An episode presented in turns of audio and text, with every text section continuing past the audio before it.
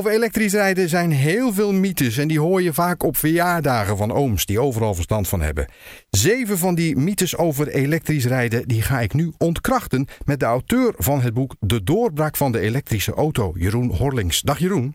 Goedendag. Zullen wij het eens even over die zeven rare mythes gaan hebben? Ik noem ze op, ik ben even de oom en jij geeft het tegenargument voor de verjaardag. Ik ben heel benieuwd. Die accu's en die motoren die zitten vol zeldzame metalen. Die worden ook nog eens door kindslaven uit de grond gehaald in landen zoals eh, de Congo voor kobalt of uh, grafiet uit China met je elektrische auto. Hoe zit dat? Ja, daar zit natuurlijk ergens een kern van waarheid in, alleen dan is het behoorlijk overtrokken. Uh, ook voor reguliere auto's zit ook allerlei metaal en andere productie is. Wordt ook, komt ook CO2 bij vrij en dergelijke om die te produceren. Um, ja, we willen meer smartphones, we willen meer laptops, we willen ook meer elektrische auto's. Ja, dat betekent dat bepaalde grondstoffen inderdaad nu vaker gebruikt worden. Echt zeldzame grondstoffen zijn het ook niet per se. Het gaat om lithium, nikkel, kobalt. Uh, maar alleen het voorbeeld dat heel vaak wordt aangehaald, zich wel terecht ergens, is ja Congo. En daar wordt kobalt gewonnen in een gebied waar een burger burgeroorlog is, waar weinig controle is en dergelijke. Oftewel, dat is ja wel een, een soort van gevoelig probleem. Um, maar daar zijn ook weer oplossingen voor. Op dit moment zijn er allerlei processen in werking waarbij de herkomst ethisch, van ethisch gewonnen kobalt wordt geregistreerd, onder andere via de blockchain, zodat duidelijk is dat uit een gegarandeerd veilig gebied komt. Het hoeft niet per se Congo te zijn, Australië, Canada, Rusland, Cuba en dergelijke hebben het ook. Hartstikke mooi. Argument 2. Voor de stroom van die wagens worden gewoon kolen verbrand hoor, dus wat nou CO2 besparen? Ja, kolencentrales dat, uh, die zijn minder efficiënt dan gas en dergelijke, maar toch is dat maar een klein deel van onze totale energievoorraad. En bovendien zie je nu dat het aantal percentage kolencentrales neemt af en duurzame energie neemt ontzettend toe. Dus rijden op elektriciteit wordt alleen maar schoner. Er komt nog bij dat we natuurlijk zonnepanelen op ons dak kunnen zetten. En er komt ook bij dat er veel meer windmolens en veel meer überhaupt zonnepanelen op bedrijven en dergelijke terechtkomen. Dus uh, kolen, dat is echt iets van de oude tijd. Ja, in Polen stoken ze inderdaad nog bruinkool voor elektriciteit, maar in Nederland wordt die mix natuurlijk steeds groener. Hè? Uh, ik ben weer even de boze oom. Als je een botsing hebt met zo'n auto, dan laat de brandweer je gewoon in het wrak zitten, omdat ze anders onder stroom komen te staan. Ja, de boze oom refereert daarbij aan een ongeluk in 2016, waarbij dat gebeurde inderdaad. Dat kwam omdat de, brand, de, brandweer was onzeker of er misschien spanning, hè, 400 volt, op die auto zou staan, wat toch enigszins gevaarlijk is. De persoon was al overleden overigens, dus eh, kritieke haast was er niet bij. Um, ja, ondertussen is er toch wel aanzienlijk meer voorlichting geweest. Van iedere auto hebben ze, als het goed is, uh, uh, schema's bij zich, wat je wel en wat je niet moet doen. En vooral Um, alle elektrische fabrikanten die hebben één soort van first responder loop, zoals het heet. Die moet je doorknippen en dan is alle stroom in één keer weg. Dus daar is absoluut rekening mee gehouden.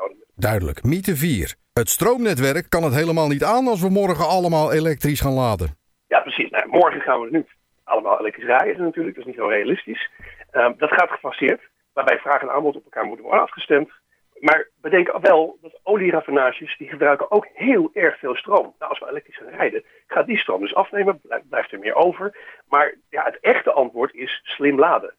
Dat als ik mijn auto aan de laadpaal zet, s'avonds om 8 uur, iedereen doet het op dat moment ook, dat niet al die auto's tegelijkertijd van stroom worden voorzien, maar dat het gefaseerd gaat en dat die auto dus communiceert met het stroomnet en zelfs andersom energie kan leveren aan het net als dat nodig is. Oké, okay. argument 5. Zo'n batterij gaat maar een paar jaar mee en dan zit je met een onverkoopbare wagen.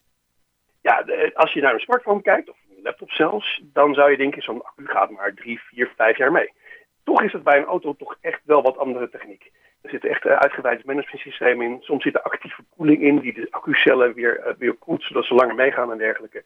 Um, dus wat je eigenlijk ziet is dat zo'n auto die is gegarandeerd voor een jaar of acht onder garantie over het algemeen, verschil per fabrikant. Ja, daar moet je natuurlijk wel goed naar kijken. Laat ook vooral een test doen als je zo'n auto gaat kopen, nieuw of vooral tweedehands natuurlijk. Maar uh, dat ze al na drie jaar volledig op zijn, is pertinent niet waar. Oké, okay, nou het wordt toch gewoon ja, maar... allemaal waterstof, man, want dat is net benzine, dat is veel makkelijker. Ja, waterstof wordt al sinds de jaren negentig genoemd als de oplossing voor al onze problemen. En daar zit zeker wat in, want het is namelijk in op zich een hele uh, interessante energiedrager die redelijk CO-neutraal is, niet helemaal. Um, er zit alleen maar, het is vooral een praktisch probleem. Waterstof is interessant, maar niet zozeer voor personenwagens.